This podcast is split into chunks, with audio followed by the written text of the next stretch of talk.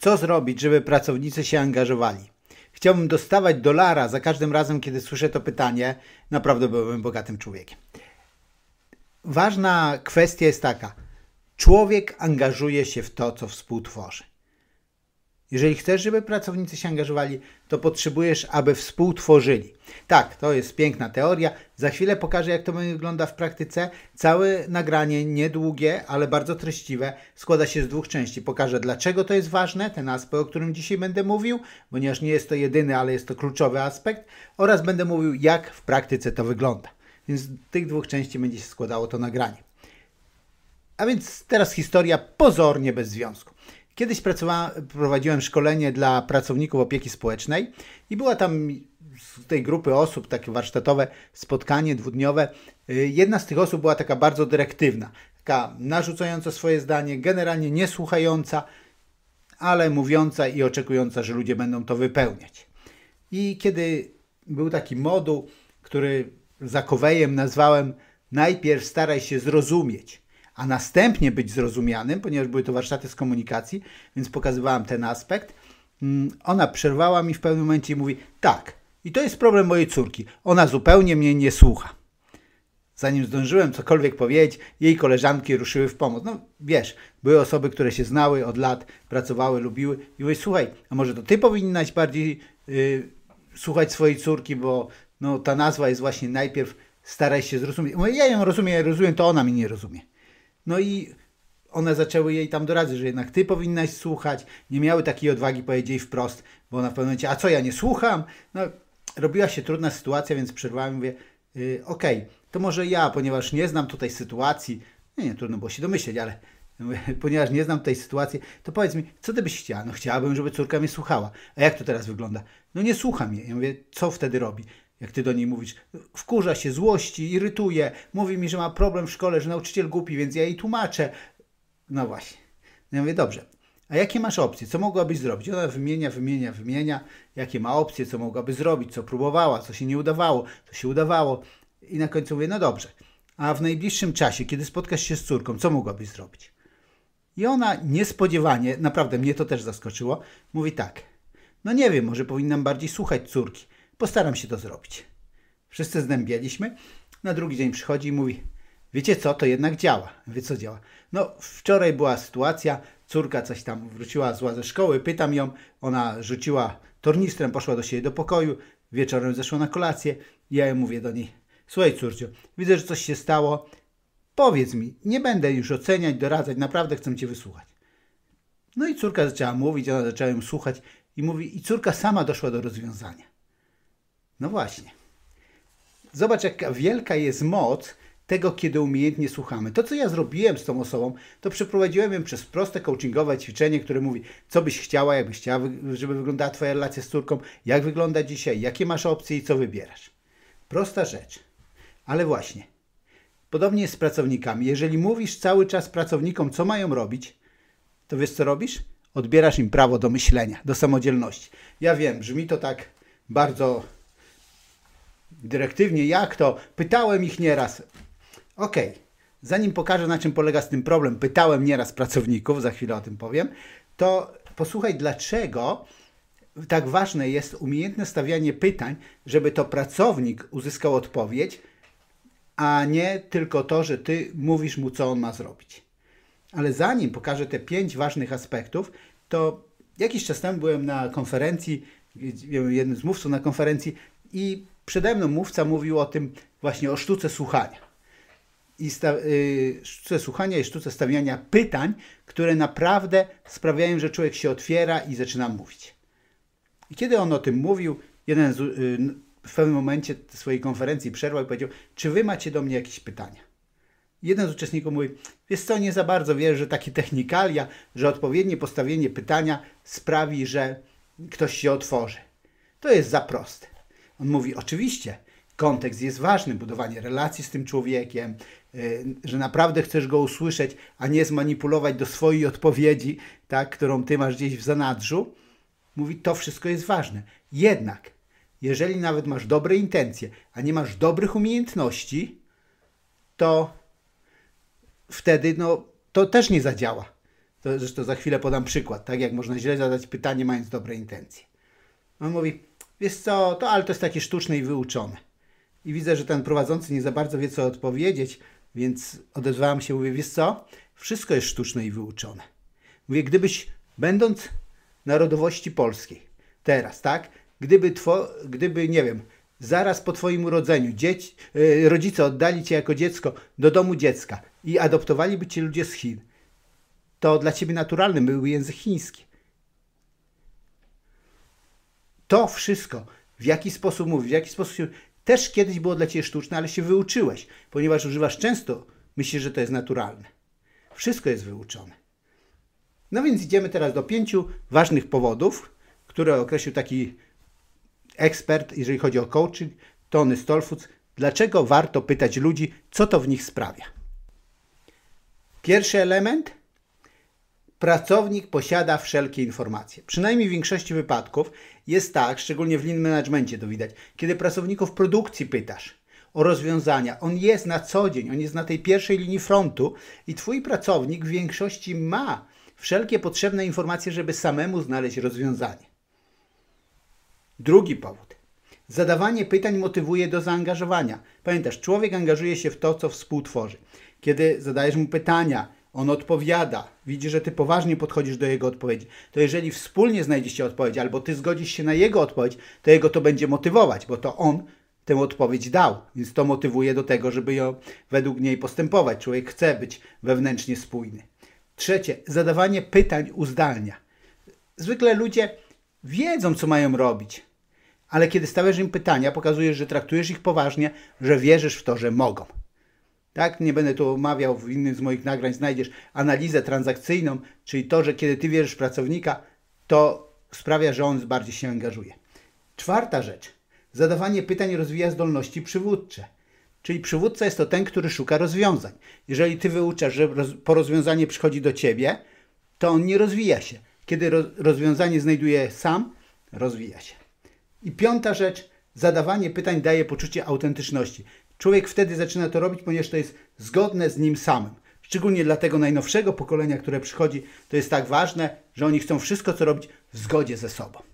A właśnie umiejętne postawienie pytań sprawia, że oni znajdują tą odpowiedź, która jest zgodna z nimi. Ty stwierdzasz, OK, to może pomóc, rzeczywiście, niech tak zrobi, i wtedy on zaczyna się w to angażować. Jeżeli chcesz tą sztukę stawiania pytań bardziej mm, rozwinąć w sobie, sprawić, że Twoi pracownicy bardziej się będą angażować, to zapraszam na kurs coachingu.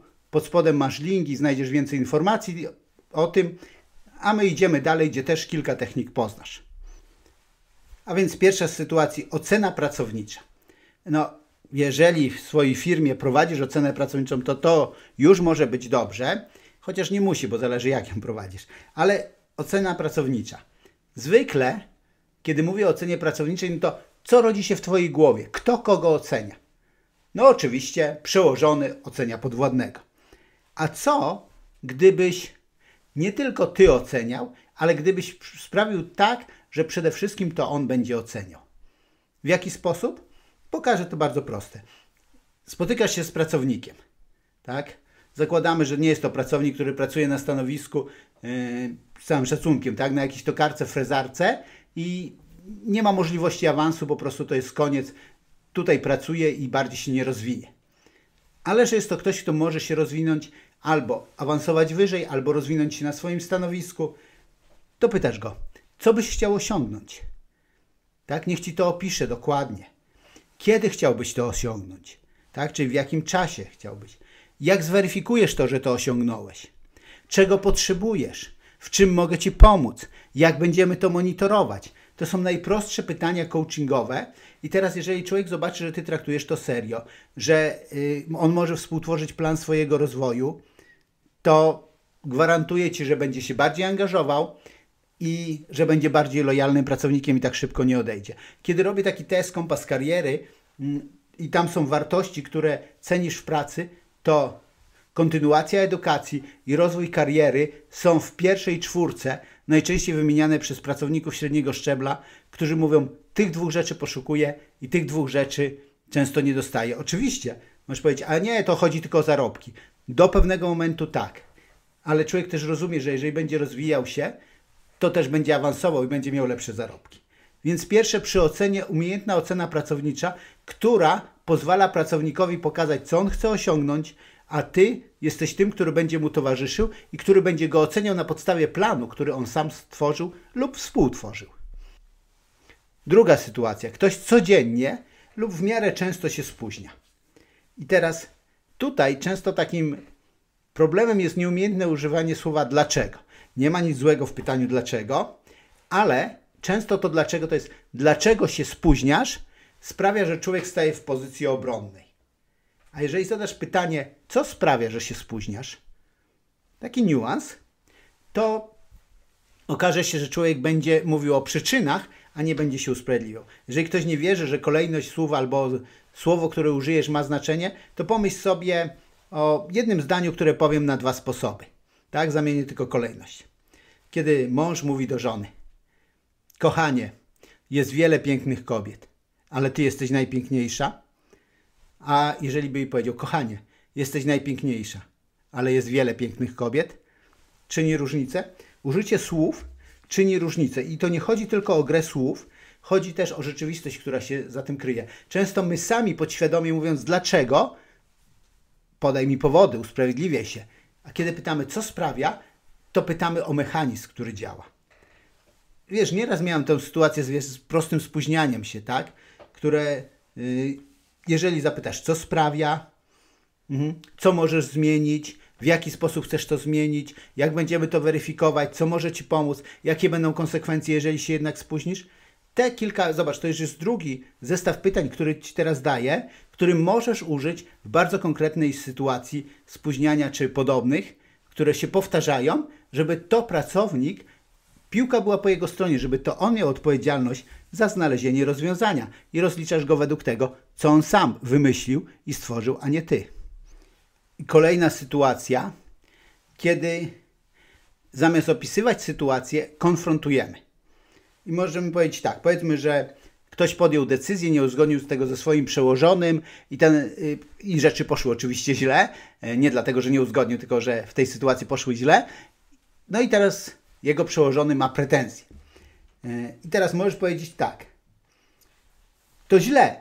Powinieneś, to źle, źle zrobiłeś. Powinieneś porozmawiać ze swoim przełożonym, zanim podjąłeś tą decyzję, dlaczego tego nie zrobiłeś. No to sam rozumiesz, że stawiasz go w sytuacji, w której będzie ciężko.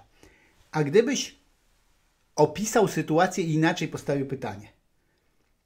Wiesz, jednym z elementów odpowiadających za to, że tak się stało, jest to, że podjąłeś decyzję bez konsultacji ze swoim przełożonym. Opowiedz mi więcej, co było przyczyną tego, że tego nie zrobiłeś.